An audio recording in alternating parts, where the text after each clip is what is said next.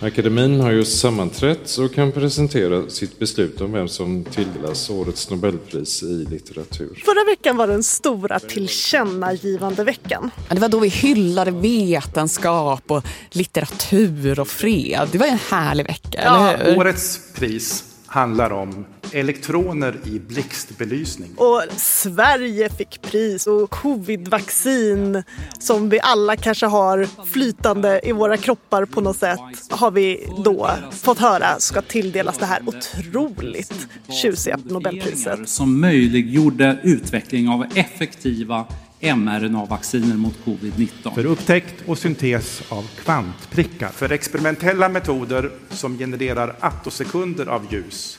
För studier av elektrondynamik i materia.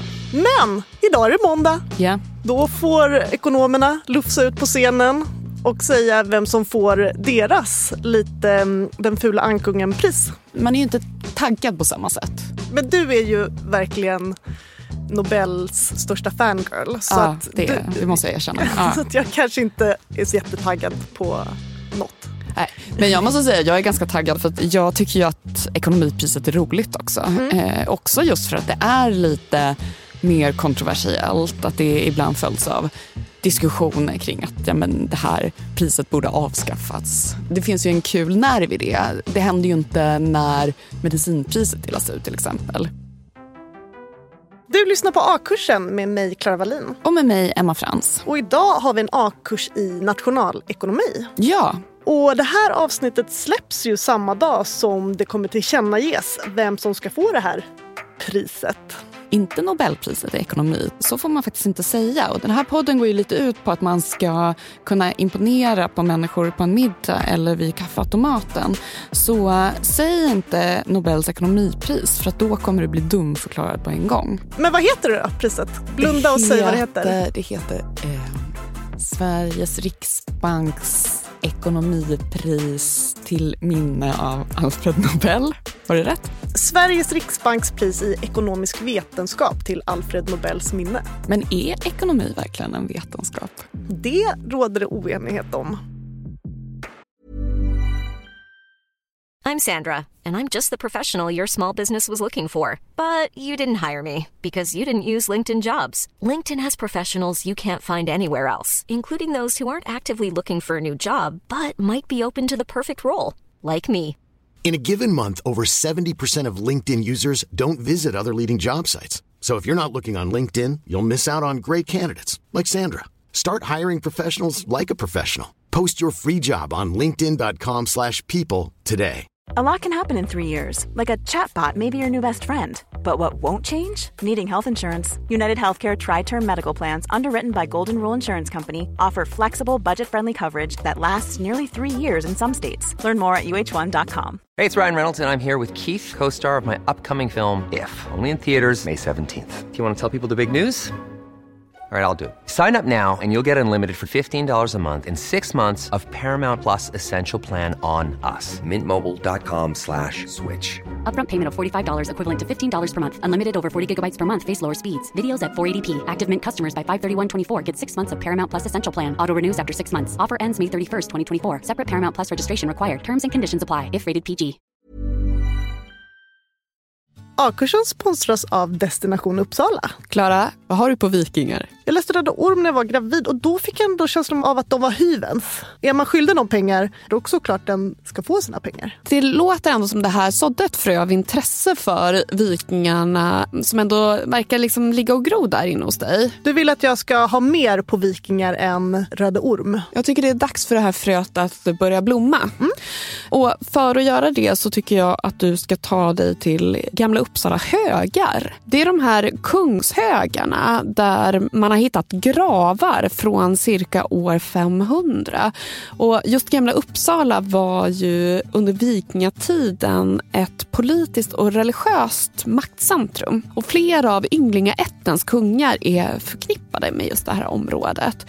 Och i anslutning till de här kungshögarna så ligger ju också Gamla Uppsala museum. Och i deras basutställning så hittar man flera unika originalfynd från de här kungshögarna. Ja, men perfekt helg att så här, på fredagskvällen kolla på några avsnitt av Vikings på Netflix typ och sen åka till Uppsala och liksom känna historien under fotstegen. Sen så kanske du blir liksom fikasugen, barnen kanske vill ha glass. Verkligen. Då tänker jag att ni går till Odinsborg som ligger precis där vid Kungshögarna och tar en fika. Är fikan ett arv från vikingatiden? Ja. och vill du få ännu mer inspiration, gå in på destinationuppsala.se. Tusen tack Destination Uppsala för att ni sponsrar Akursen. Det här priset tilldelas ju då huvudsakligen personer som verkar inom nationalekonomi.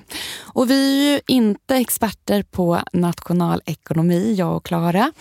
Så istället så bjöd vi in Erik Agner till studion. Och Erik är professor i praktisk filosofi vid Stockholms universitet. Han är nationalekonom och filosof och jobbar i gränslandet mellan de två områdena.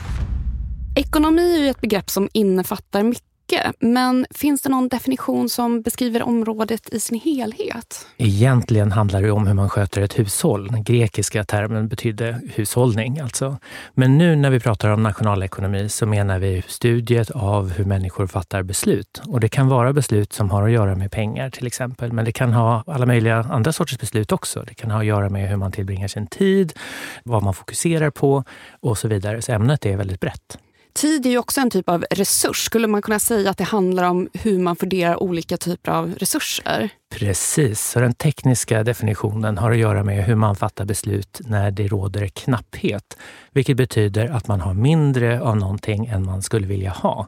Det betyder inte nödvändigtvis att man har ont om någonting. Det betyder bara att man skulle vilja ha mer än man har. Och i den bemärkelsen är tid och pengar knappa för alla. Oavsett hur mycket man har så finns det alltid liksom begränsningar på hur mycket man kan lägga på olika saker. Och då måste man prioritera, man måste fatta beslut, man måste ge upp någonting för att få något annat. Och det är det som är nationalekonomins kärna. Vad är då nationalekonomi? Alltså nationalekonomi kan man ju tro alltså att det handlar om nationen och det är en av de saker som nationalekonomer studerar, sånt här som inflation och arbetslöshet och sånt. Men det finns en bredare bemärkelse som är den gängse och det är den som säger att det handlar om studiet av mänskliga val och de konsekvenser som mänskliga val kan ha på gruppnivå, inklusive då på nationsnivå. Är det samma som makroekonomi? Makroekonomi är ekonomin om stora saker, sånt här som inflation och arbetslöshet och sånt. Mikroekonomi är studiet av små saker som människors individuella beslutsfattande. Men det är lite mer komplicerat än det kan låta för mikroekonomer är också intresserade av de konsekvenser som våra individuella beslut har på den stora nivån. Och där är det klart att sånt som arbetslöshet speglar ju vad människor gör, vad politiker gör förstås, men också hur människor agerar i sitt privatliv. Det finns alltså folk som kallas mikroekonomer? Absolut. De är inte pyttesmå? Nej, de är inte större än mikrobiologer. För mig är ekonomi pengar. Lite liksom hushållsekonomin, hur du ska kunna röra dig med en... Nej, men även på högre nivå. Ja. Att jag har tänkt på börser och stater och länders valutor. Men att pengar är den gemensamma nämnaren för ekonomi. Men så var det ju inte. Det handlade om resurser. Resurser och beslut också. Hur man fattar beslut kring hur man ska fördela olika typer av resurser. Och då kan ju till exempel, som Erik nämnde, tid vara en sån resurs där man behöver på olika sätt fatta beslut kring vad man vill lägga sin tid på. Skulle du säga att det finns en övertro bland ekonomer om att människor alltid handlar rationellt? För det här tycker jag är någonting som man hör ibland. Historiskt tror jag man kan säga att det fanns det. Såna här modeller för rationellt handlande är centrala i modern nationalekonomi. De har hängt med under väldigt lång tid.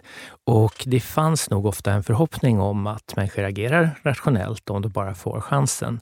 Nu på slutet, och på slutet så menar jag de sista 40 åren eller 50 åren kanske, så har det uppstått en helt ny medvetenhet för det här att människor inte alltid agerar rationellt. Det betyder inte att nationalekonomer tror att vi alltid beter oss slumpmässigt och sådär. Men det finns ju en hel gren av nationalekonomin nu som heter beteendeekonomi som integrerar modern psykologi och kognitionsforskning med nationalekonomi. Och hela tanken där är att få ett bättre grepp för under vilka omständigheter människor agerar rationellt och under vilka omständigheter de inte gör det. Om man tänker efter är det ganska självklart att det finns omständigheter där vi inte är så idealiskt rationella som vi kanske föreställer oss, som vi kanske skulle vilja. Adam Smith brukar ju kallas för nationalekonomins fader och han har ju också pratat om den så kallade osynliga handen. Vad menas egentligen med det? Den osynliga handen är en metafor som har att göra med krafter som verkar utan att vi är medvetna om dem eller utan att vi avser dem. Så Adam Smith var intresserad av ekonomisk utveckling och hur positiva saker kan hända även om varken du eller jag går omkring och tänker på att nu ska vi generera ekonomisk utveckling. Så är utvecklingen någonting som sker som en följd av att du och jag fattar hyggligt rationella val i vår vardag. De där oavsiktliga effekterna behöver inte alltid vara positiva och det är någonting som man har fokuserat på ganska mycket nu på slutet, då, att det finns negativa konsekvenser, externaliteter pratar man om, som kan vara sånt som klimatförändringar. Det finns nog ingen, vad jag vet, som avsiktligt skapade klimatförändringar, men de är resultatet av handlingar som vi har utfört i våra privatliv. Du är inne lite på det nu, men hur skulle du säga generellt att de här teorierna om den osynliga handeln står sig idag? Är det fortfarande ett begrepp som nationalekonomer ofta pratar om, men att man också förstår lite de negativa aspekterna av den osynliga handeln? Det är något som dyker upp då och då. När vi pratar med varann så använder vi den termen externaliteter då, som kan vara positiva eller negativa. Och det är ett väldigt viktigt tema, det här att saker och ting händer i ekonomin som inte alltid förutsågs eller avsågs av någon individ, men som ändå är liksom ekonomiskt signifikant. Det är en väldigt viktig insikt tycker jag egentligen. För väldigt ofta om man ser sig omkring så ser man tokiga saker händer, så kanske man drar slutsatsen att det måste vara någon som avsåg detta. Det måste finnas någon slags mörk konspiration va? som ville att det skulle bli så här. Och ibland finns det ju konspirationer, de existerar ju.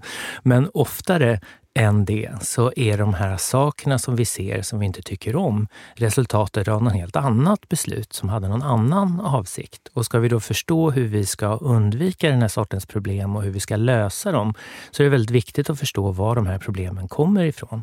Precis det är fallet med klimatförändringar. Då, att de här starka negativa konsekvenserna som vi ser följer av människors beslut, även om ingen avsåg detta. Och ska vi nu försöka närma oss det här problemet och hitta en lösning på det så är det väldigt viktigt att vi förstår varifrån det kommer. Hur blev det så här? Och hur kan vi undvika att vi fortsätter att bete oss på det sättet?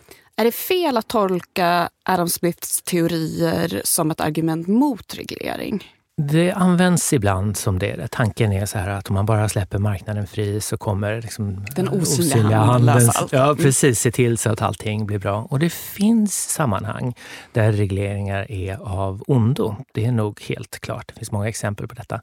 Men det finns ingen, eller väldigt få numera, som säger att regleringar alltid är dåliga. Om man tittar på grundläggande läroböcker i mikroekonomi till exempel, så är en ganska stor del om beskattningar, punktskatter till exempel, då, som ett sätt att undvika den här sortens negativa konsekvenser och som ett sätt att göra världen mer effektiv och mer rättvis samtidigt.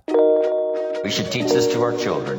Economics is major. Kungliga Vetenskapsakademin har idag beslutat att utdela Sveriges Riksbanks pris i ekonomisk vetenskap till Alfred Nobels minne för år 2018.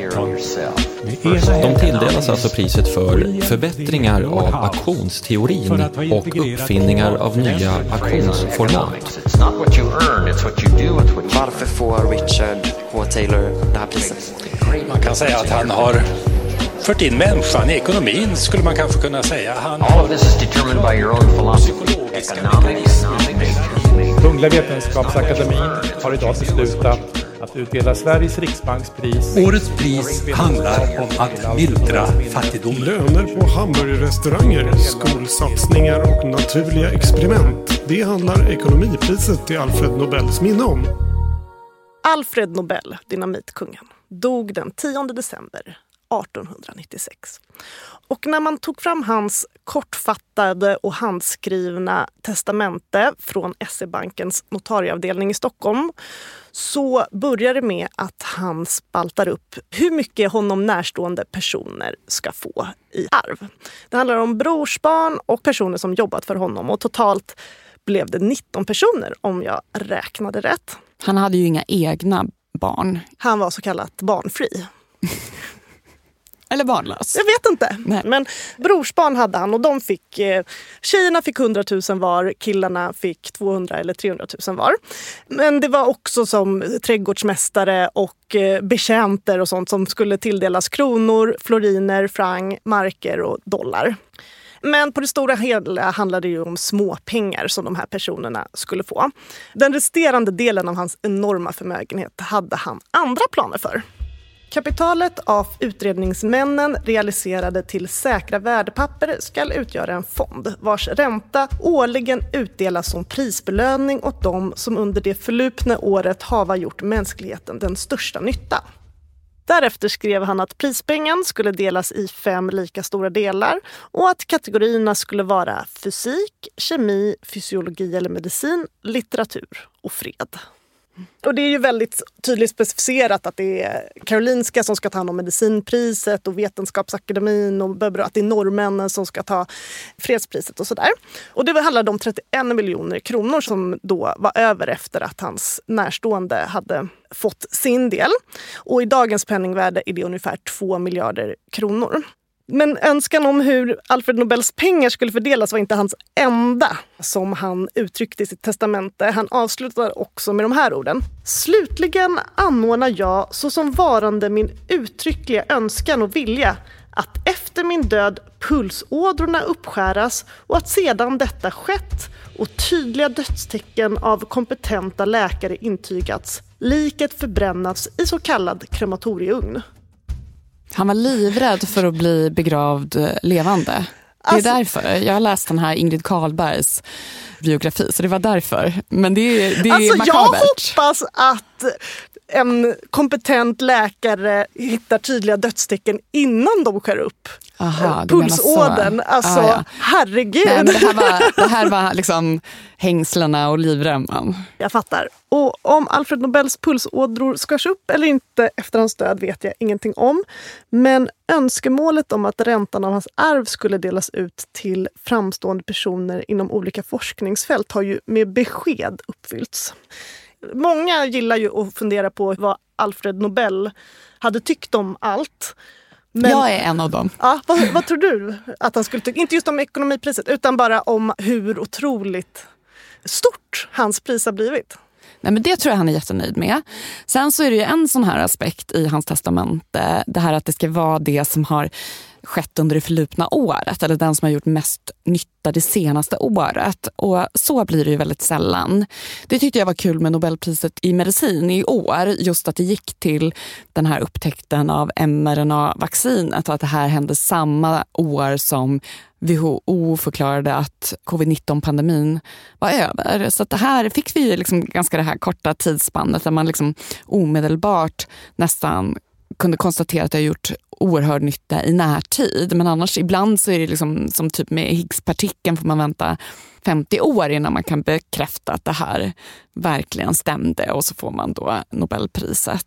Ja, men det var ju också mm. en, som ett förhandlingsövertag som de här Vetenskapsakademin och Svenska Akademin och eh, Karolinska hade. Att så här, vi vet inte så nära inpå. Alltså, vetenskapen måste få ha sin gång och då Alfred Nobel varit så specifik med att det var just de här som ska utse pristagarna så hade ju de mycket att säga till om just där. Och jag tror att det är helt rätt att man avvaktar faktiskt. För att om man tittar på hur Nobelprisen har hållit över tid så har man ju ändå ett ganska bra track record skulle jag säga. Det finns vissa undantag, liksom lobotomi, DDT, sådana saker som kanske då i alla fall med dagens ögon upplevs som bottennapp i sin tid så kanske de faktiskt var revolutionerande men idag så finns det då liksom psykofarmaka. Så vi lobotomerar till exempel inte människor längre.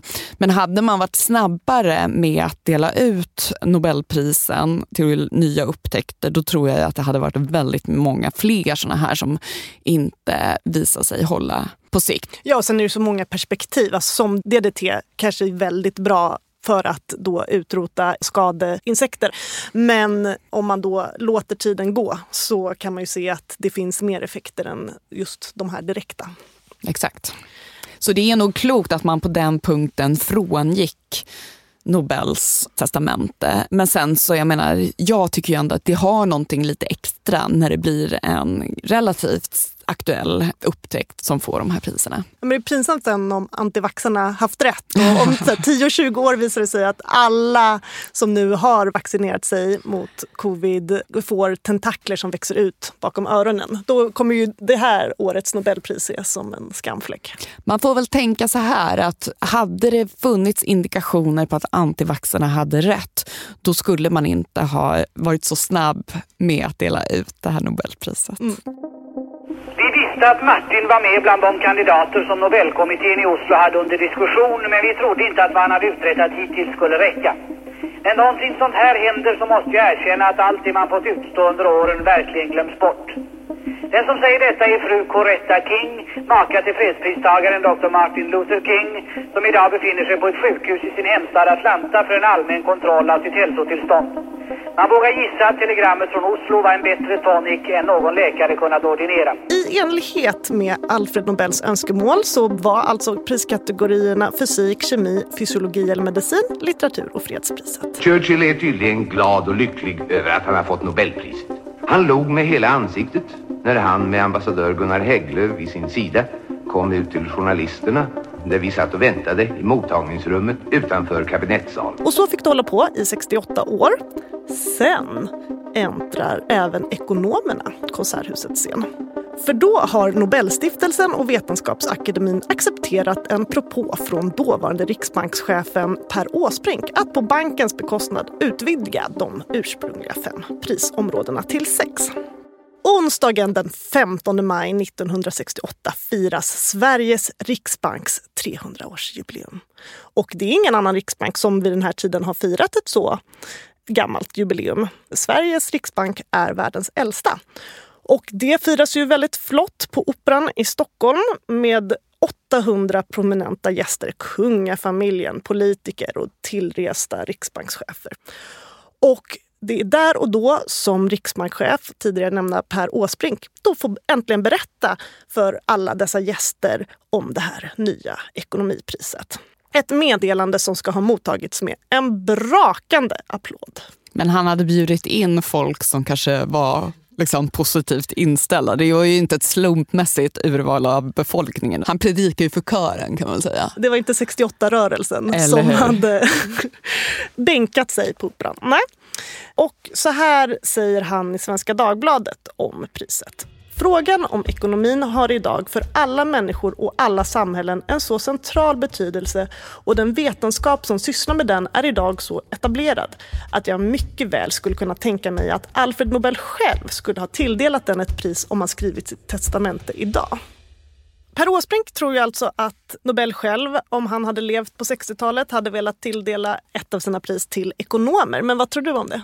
Men jag tänker att hade han velat ha ett sånt pris, då borde han väl ha skrivit med det i sitt testamente. Alltså ekonomi fanns ju även på 1800-talet. Det är det jag menar. Mm. Sen så huruvida ekonomi står sig som en vetenskap, det var ju någonting som jag diskuterade med Erik Agner. Frågan kompliceras av att det är ganska svårt att säga vad en vetenskap är. Det är någonting som vetenskapsfilosofer har hållit på med bokstavligen i hundra år alltså. Och det finns inget riktigt tydligt vedertaget svar. Men vad man kan säga är att vetenskapen karaktäriseras av försök att artikulera bilder av hur verkligheten ser ut och hur saker och ting fungerar utifrån den evidens och de data som finns tillgängliga. Och i den bemärkelsen så är nationalekonomin en vetenskap. Sen vill man förstås omedelbart då invända att nationalekonomin skiljer sig från andra vetenskaper på olika sätt. Och det är klart att den gör. Till skillnad från kemin så handlar den om människor, hur människor anpassar sig och sådär. Det gör ju nationalekonomin inte helt olik epidemiologin som har samma problem. Men sen är det värt att påpeka också att den bild som människor har av naturvetenskapen skapades nog på högstadiet någon gång när man läste om Newton. Newton har enkla ekvationerna som kan förutsäga saker på ett deterministiskt sätt som gör att man bara vet hur allting ligger till. Så kan man förutsäga liksom en oändlig framtid med hjälp av de där. Och så är ju inte modern fysik generellt. Så kvantmekaniken är indeterministisk. Den tillåter oss inte att förutsäga vad som kommer att hända precis. Och tittar man på sånt här som strängteorin så är den ju så tokstollig så det inte är klokt alltså. Så de egenskaper som man kanske föreställer sig att nationalekonomin måste ha för att vara en vetenskap, de har inte fysiken heller. Och då tror jag man måste revidera sin bild av vad vetenskapen är. Men det låter ju lite som du tycker att man har en övertro på naturvetenskap och kanske då underskattar hur pass vetenskapligt ekonomi kan vara. Ja, och någonting sånt är precis vad jag försöker säga. Så här, när det gäller förmågan att förutsäga saker och ting till exempel, så fysiker då är, anses ju väldigt bra på att förutsäga saker. Och det är klart, i ett labb med extremt dyr utrustning, i ett vakuum där allting är precis perfekt, så kan man förutsäga vad som kommer att hända med partiklar i väldigt, väldigt hög grad. Men om du ber en fysiker att förutsäga ett löv som flyger i höststormen, vilken bana det kommer att följa, så är ju fysikern precis lika dålig på detta som du och jag. Alltså. Och insikten där tror jag är att förutsägelser är ganska svåra att göra. Inte minst för att vi ofta inte vet allt om de grundförutsättningar som gäller. Men det är en realitet inom alla vetenskaper. Det är inte någonting som nationalekonomin lider av mer än andra. Och det är inte heller ett kännetecken för vetenskap att man kan göra det. Men om du nu måste agera djävulens advokat, de som menar att nationalekonomi inte är en vetenskap, vad är deras främsta motargument? Det här med förutsägelser är en stor grej, att nationalekonomer inte kan förutsäga det ena och det andra. Och där har de ju rätt. alltså. Nationalekonomer kan inte förutsäga vad som kommer hända på aktiemarknaden och så vidare. Det finns ett ganska enkelt skäl till det egentligen, vilket är att om det gick att förutsäga vad som skulle hända på aktiemarknaden, då skulle vi inte sitta och skriva om det i akademiska artiklar. Då skulle vi gå ut och investera och bli stenrika. Men eh, vi kan inte göra det och därför gör vi inte det. Liksom. Är ekonomer rikare än genomsnittet? Nej, jag tror verkligen tror inte det. det. De är inte heller bättre på att fatta beslut. Nej, och jag, jag vet, inte om epidemiologer är friskare, kanske inte jämfört med andra. Psykiatriker har mer mental hälsa, jag är inte alls säker Nej. på detta. If you're looking for plump lips that last, you need to know about Juvederm lip fillers. With Juvederm Volbella XC and Juvederm Ultra XC, your lip look, whether it's subtle or bold, can last up to one full year with optimal treatment and no additional maintenance. Find a licensed specialist and see if it's right for you at Juvederm.com today. That's J U V E D E R M.com. Add fullness to lips in adults over 21 with Juvederm Volbella XC or Juvederm Ultra XC. Do not use if you have severe allergies or a history of severe allergic reactions, or if you're allergic to lidocaine or the proteins used in Juvederm. Tell your doctor if you have a history of scarring or taking medicines that decrease the body's immune response or that can prolong bleeding. Common side effects include injection site redness, swelling, pain, tenderness, firmness, lumps, bumps, bruising, discoloration, or itching. As with all fillers, there's a rare risk of unintentional injection into a blood vessel, which can cause vision abnormalities, blindness, stroke, temporary scabs, or scarring. For full important safety information, visit juvederm.com. Hey, I'm Ryan Reynolds. At Mint Mobile, we like to do the opposite of what Big Wireless does. They charge you a lot, we charge you a little. So naturally, when they announced they'd be raising their prices due to inflation, we decided to deflate our prices due to not hating you. That's right. We're cutting the price of Mint Unlimited from $30 a month to just $15 a month. Give it a try at mintmobile.com slash switch. $45 upfront for three months plus taxes and fees. Promo for new customers for limited time. Unlimited more than 40 gigabytes per month. Slows. Full terms at mintmobile.com. Millions of people have lost weight with personalized plans from Noom. Like Evan, who can't stand salads and still lost 50 pounds. Salads generally for most people are the easy button, right? For me, that wasn't an option. I never really was a salad guy. That's just not who I am. But Noom worked for me. Get your personalized plan today at Noom.com. Real Noom user compensated to provide their story. In four weeks, the typical Noom user can expect to lose one to two pounds per week. Individual results may vary. A-kursen sponsras av Akademikernas a-kassa. Klara, jag tycker att det ser ut som du sitter där och är väldigt trygg. Och har inte jag varit trygg ända sedan du lärde känna mig? Jo, men det har du faktiskt nu när du säger det. Jag går liksom genom livet med någon form av grundtrygghet. Och det kanske är för att jag unnar mig att vara med i a-kassan. Men är inte det väldigt dyrt? Det är som en lunch. 130 kronor i månaden. Oh. Och då få denna trygghetsaura väldigt värt, ja. tycker jag. För att även om jag förlorar jobbet så står jag inte utan inkomst. I sånt fall skulle Akademikernas a-kassa betala 80 procent av min inkomst upp till 33 000 kronor i månaden. Och något som är så himla bra med just Akademikernas a-kassa det är ju att även om man byter jobb så behöver man inte byta a-kassa för att det är ju utbildningen som räknas. Man har ju alltid sina HP-poäng i ryggen. Mm. Och även om man inte har sina HP-poäng i ryggen så får man ändå gå med om man har det som mål. Just det, man är välkommen om man studerar och har som mål att ta minst, vad sa du, HP-poäng? 180 HP-poäng. Ja men det är helt fel. HP räcker ju, för P till HP står ju för poäng. Högskolepoäng. Ja, så högskolepoäng, poäng har vi sagt. Hoppas du blir smartare än oss av dina högskolestudier och gå in på akademikernasakassa.se a-kursen. Och bli medlem idag. Tusen tack Akademikernas a-kassa. Ett som är säkert är att ekonomi verkligen påverkar oss människor. Det kan nog inte varit så fett att levt under 30-talets depression och i samband med finanskrisen 2008 så ökade arbetslösheten i Sverige från 6 till närmare 9 procent på drygt ett år.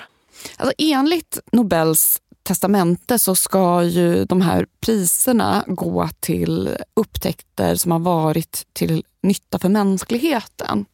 Och om man utgår från det kriteriet så menar i alla fall Erik Agner att ekonomipriset uppfyller de kriterierna.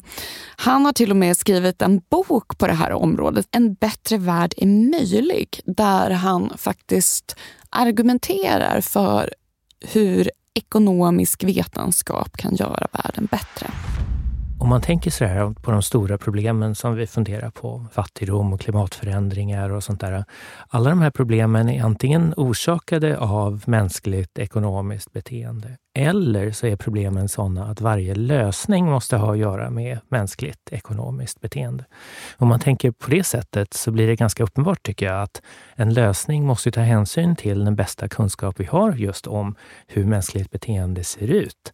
Och nationalekonomin tillhandahåller sådan kunskap. Det är inte den enda vetenskapen som gör det, men den tillhandahåller det. Jag menar, man kan ju tänka på någonting som pandemibekämpning som vi pratade mycket om under de åren som har gått. Så att Problemet med pandemin uppstod som en följd av beteende av olika slag. Människors handel med döda djur kanske, eller deras vetenskapliga aktiviteter, vad vet jag. Det spreds med tanke på människors beteendemönster och hur folk pendlar till och från Wuhan och hur man reser runt jorden. Och sen de lösningar som vi pratade om innan det fanns vaccin hade ju att göra med beteende. Hur vi ska tvätta händerna och hålla avstånd och hålla oss hemma om det går och sådär. Så att väldigt många av de problem vi står inför orsakas av beteende beteende eller kan lösas med hjälp av beteende. Och då är det klart att ett vetenskapligt förhållningssätt till detta kan göra nytta. Ett skäl att tro att detta är sant är att folk har liksom intuitiva bilder av hur människor beter sig som inte alls stämmer. Och de intuitiva bilderna finns ju hos mannen på gatan, eller vad man ska säga, men de finns också bland forskare från andra områden. Så som beteendevetare, när jag lyssnar på vissa forskare på medicinsidan som uttalar sig om beteende så låter det oerhört naivt alltså, och ovetenskapligt. Vill vi lösa problem så måste vi göra det i ljuset av den bästa möjliga informationen. Och nationalekonomin har en roll att spela där. 1968 instiftades alltså Riksbankens ekonomipris till Alfred Nobels minne och första gången det delades ut var året därpå. Redan från början har släktingar till Alfred Nobel uttalat sig kritiskt mot priset men även andra röster har höjts om att priskategorin är mer politisk än vetenskaplig. Den ekonomiska historikern Gabriel Söderberg som 2016 skrev boken The Noble Factor, The Price in Economics, Social Democracy and the Market Turn förklarar kritiken så här när han intervjuas till Riksbankens egen webbplats i samband med att boken släpptes. Priset skapades som en symbol för att ekonomiämnet uppnått en vetenskaplig status och är ämnets högsta vetenskapliga utmärkelse. Samtidigt är det svårt att skilja vetenskap och politik när ekonomisk teori också ger riktlinjer för hur politik bör utformas. Ekonomipriset har kritiserats på just denna punkt, särskilt under 1980 och 90-talen eftersom många pristagare och även ledande medlemmar i priskommittén har varit ledande förespråkare för reformer i ekonomisk politik. Den av Alfred Nobels släktingar som mest högljutt har protesterat mot ekonomipriset är Peter Nobel. Det är Alfred Nobels bror Ludvigs barnbarnsbarn. Han är före detta generalsekreterare för Röda Korset. Och eh, jurist. Och eh, tung gubbe. Verkligen. Mm. Och han, i en opinionstext i SVT som publicerades den 11 oktober 2010 så kallar han priset Gökungen i Nobelprisens bo. Alfred Nobels testamente var inte något huggskott, det var genomtänkt. Uttalanden i hans brev tyder på att han ogillade ekonomer. Det som skett är ett enastående exempel på framgångsrikt varumärkesintrång. Det har dock haft det goda med sig att Nobelstiftelsen därefter har sagt kategoriskt nej till alla förslag om nya priser. Ingen makt i världen kan dock hindra journalister, allmänhet och forskare världen över från att tala om Nobelpriset i ekonomi med allt vad det innebär. Därför är det i ärlighetens namn och för att hedra Alfred Nobels minne viktigt att detta bankpris till hans minne delas ut i annat sammanhang än Nobeldagen. Och året därpå går Peter Nobel återigen till attack mot ekonomipriset och då tillsammans med ytterligare tre ättlingar.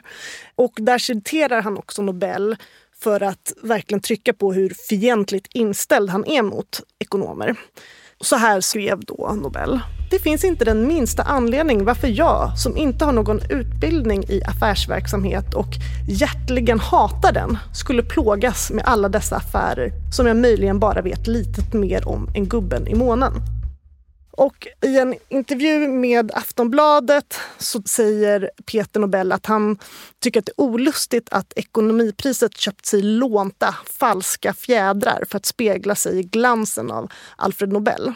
Och att man ska inte taffla med avlidna donatorers sista vilja. Och att han tycker det hade varit mycket bättre om Riksbanken gjorde det här till ett alldeles eget pris. Riksbankspriset skulle det kunna kallas. Och i folkmun då kanske bankpriset. Och att kungen inte ska dela ut det här under Alfred Nobels byst utan kanske under Gustav Vasas.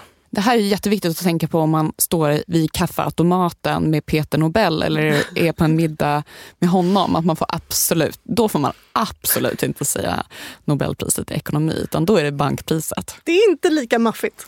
Nej, verkligen inte. Nej. Och jag tycker, alltså, han har ju verkligen en poäng i att Nobelpriset ger en ökad status oh ja. till vissa forskningsfält. Jag pluggade ju biologi i Lund på naturvetenskapliga fakulteten och där sades det jätteofta att så här, ja, biologi, det har inte lika hög status som fysiken, kemin, för vi har ju inget Nobelpris. Alltså det var verkligen sånt som det pratades om. Biologins låga, låga status i relation till de här andra ämnena på naturvetenskapliga fakulteten. Ja, men jag tycker det är samma sak inom medicin. Nu har vi ju ett medicinpris såklart, men i och med att det kanske inte då ges till epidemiologer så har epidemiologer relativt sett lägre status än de som kanske håller på mer med grundforskning, fysiologi och sådana saker. Och det är ju verkligen ihopklumpat. Alltså ekonomipriset, det är ju inte så att man ser det som något väsensskilt annorlunda. De tillkännages ungefär samtidigt. De får motta priserna på samma ställe. De får lika stor prissumma. Så att, eh... De får till och med mer guld i sin medalj. Det är en annorlunda medalj, men den är då lite mer guld i. Det är i alla fall vad jag har fått lära mig. Jaha. Och både Per Åsbrink och Peter Nobel gillar ju att fundera över vad Alfred Nobel, vad som egentligen är hans vilja. Och jag som också är otroligt partisk i målet som biolog tror jag att hade inte Alfred Nobel velat ta ett pris för klimatet och miljön. Och nu är det istället de där jäkla klimatekonomerna som får då det här priset. Mm. Och just ett av de här priserna som handlar om klimatekonomi har ju fått extremt mycket kritik. Och det här var ju faktiskt också någonting som då till och med Erik Agner som är partisk när det gäller att försvara den ekonomiska vetenskapen faktiskt påpekade att det är lite av ett bottennapp. Men det var mest du som påpekade. Ja, det var mest jag i ärlighetens namn.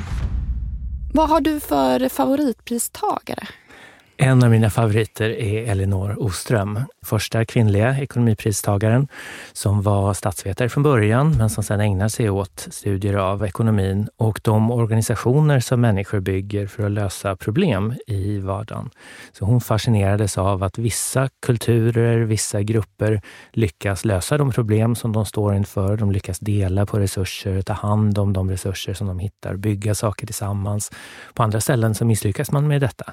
Och hon ville förklara hur det kommer sig att en del människor klarar av sånt här och andra inte gör det. Svaret som hon kom på var att det har att göra med institutioner som är system av regler som människor binds av i sitt beteende. Så på de ställen där folk tar hand om en resurs som fisk eller rent vatten eller något så är det ofta, menar hon, för att de bygger institutioner som fungerar. Som en följd av det här så byggde hon vad man kan kalla för en hel politisk filosofi om ett gott samhälle, där hon skrev att ett gott samhälle består av många överlappande organisationer eller institutioner i olika skala som löser problem för människor på ett sätt som respekterar deras autonomi och som tar hänsyn till den lokala kunskap som finns i den miljö där problemet uppstår. Det är en väldigt tilltalande bild, tycker jag, av hur ett gott samhälle ser ut. Det beskriver i viss mån faktiskt hur Sverige fungerar. Vi har en stark stat då, internationell jämförelse, men vi har också ett extremt rikt civilsamhälle med små organisationer, hembygdsföreningar och vägföreningar, simsällskap och så vidare, som löser problem på plats på den nivå där lösningarna behövs. Vad skulle du säga är det största bottennappet? Nu vill jag vara diplomatisk och kanske hoppa över den frågan. Men om kanske jag för... nämner en dag som har fått väldigt mycket kritik, mm. vi vill se om du vill försvara eller inte. Ekonomipriset 2018 gick till William Nordhaus för hans forskning om samspelet mellan klimat och ekonomi. Och Det var ett val som fick mycket kritik. Hur ser du på den kritiken? Ja, det är relevant kritik tycker jag i stor grad. Jag tror att han fick priset delvis för att han var den som liksom satte klimatfrågan på nationalekonomers agenda. Alltså det med klimatekonomi som vi pratar om nu, är studiet av klimatfrågor inom ramen för nationalekonomin. Det händer som stor mån för att han tog upp detta. Och det var ju viktigt och värdefullt. Men sen gjorde han väl, skulle jag vilja säga, några tankevurper. Så en sak som han är känd för är det här att han inte tycker att vi ska lägga så stor vikt vid framtiden som många andra tror. Det blir ju oerhört viktigt i klimatfrågan, alltså om vi betraktar framtiden som viktig. Det gäller ju vår egen framtid, vi om ett år eller i ålderdomen. Och det gäller också framtida generationer. Vad ska de få för vikt i våra analyser? Och tankevurpan där bestod i att han betraktade detta som en vetenskaplig fråga. Någonting som vetenskapen kan avgöra genom att titta på räntor och sånt här och försöka bestämma då hur mycket vikt vi ska lägga på framtiden. Men det här är ju en etisk fråga. Hur värdefull framtiden är, hur mycket vikt vi ska lägga på det i vårt beslutsfattande. Det är en värdering. Det har inte att göra med eller det är relevant för vetenskapliga överväganden, men det är ingenting som man kan avgöra med vetenskapliga medel. Och det där var ett misstag och jag tror att det har varit direkt skadligt för diskussionen att han drev den där tesen så hårt. Det har varit skadligt, delvis för själva debatten. Då. Det hade varit bättre om vi hade uppfattat att det här är en etisk fråga från början. Och det har varit skadligt för nationalekonomin faktiskt. För många förknippar nationalekonomers tänkande om klimat med sånt som Nordhaus har sagt, som inte alltid var så underbyggt. Okej, Emma, titta inte. Vad heter priset? Riksbankens pris i ekonomisk vetenskap till, all, i, till eller i Alfred Nobels minne. Ja, men nästan. Sveriges riksbankspris i ekonomisk vetenskap till Alfred Nobels minne. Men det är väldigt kul att titta på den engelska Wikipedia-sidan för att vi verkar ha haft väldigt svårt att bestämma oss för vad det här priset ska ha för namn på engelska. Det är tolv olika engelska namn. Först är det Prize in Economic Science dedicated to the memory of Alfred Nobel. Mm. Sen 71 heter det bara Prize in Economic Science.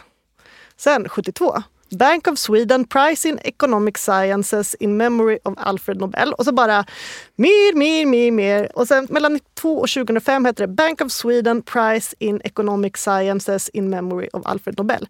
Nu, från 2006 heter det The Sveriges Riksbank Prize in Economic Science in Memory of Alfred Nobel. Jaha, inte en Swedish Riksbank Det eller Sveriges- Central Bank eller något sånt. Nej. Det Sveriges Riksbank. Vad skulle du ge det här namnet för betyg? Alltså det är F heter det väl nu för tiden. Ja, man vill inte att folk ska komma ihåg det här. Sveriges Riksbank Prize in Economic Sciences in Memory of Alfred Nobel. Men poserar du med att inte säga Nobelpriset? Absolut. Mm. Det är en väldigt tydlig signal på att man har lite bättre koll än pöbeln. Just det. Och jag tycker det har växt på senare tid. Alltså för några år sedan tyckte jag alltid man hörde Nobelpriset i ekonomi. Men nu är det mycket så här, det så kallade Men det är väl det enda vi som inte är så ekonomiskt starka, det är vårt kulturella kapital. Det är liksom så vi verkligen kan trycka ner de här rika finansmänniskorna genom att hela tiden poängtera att det här inte är ett riktigt Nobelpris. Just det, för att kanske inte så att ekonomerna själva är så noga med att säga att det inte är ett Nobelpris. Utan... Nej, de är upptagna med att skratta hela vägen till banken. Men jag tycker det är kul nu när, man, när jag tittar lite i DN och SVDs arkiv att idag så är det mycket så här när man söker på Nobelpriset i ekonomi så är det mycket inom citationstecken och kanske så här priset som i folkmun kallas Nobelpriset i ekonomi. Men när det första priset delades ut då, 69, då stod det i båda tidningar Nobelpriset i ekonomi. Så det är ju de själva som har satt det namnet Ja. också. Men jag tror nu att i och med det här avsnittet kommer jag börja säga bankpriset och då kommer jag liksom ännu mer så sträcka på mig och bara känna att oj, säger man liksom bankpriset då har man liksom så enormt mycket kulturellt kapital så att alla liksom rika bankmänniskor kan bara gå och slänga sig i väggen. De med sitt jäkla monetära kapital, vad är det? När man Vad liksom? Har, har, öppnat en tidning i Ja, en tidning som inte är Affärsvärlden eller Dagens Industri. Precis.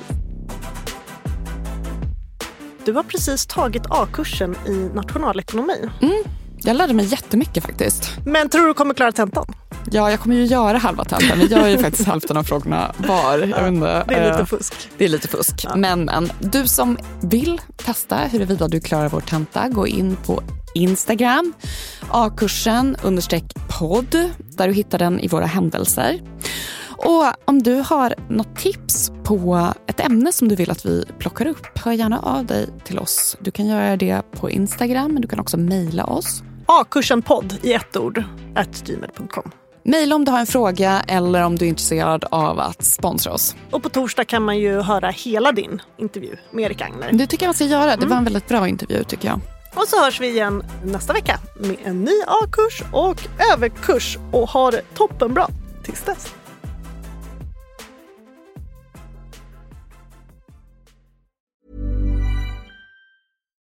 When you make decisions for your company, you look for the no brainers. And if you have a lot of mailing to do, stamps.com is the ultimate no brainer. It streamlines your processes to make your business more efficient, which makes you less busy. Mail checks, invoices, legal documents, and everything you need to keep your business running with stamps.com. Seamlessly connect with every major marketplace and shopping cart. Schedule package pickups and see your cheapest and fastest shipping options from different carriers. With rates up to 89% off USPS and UPS rates. And with the Stamps.com mobile app, you can take care of mailing and shipping wherever you are. Make the same no brainer decision as over 1 million other businesses with Stamps.com. Sign up with Code PROGRAM for a four week trial, plus free postage and a free digital scale. No long term commitments or contracts.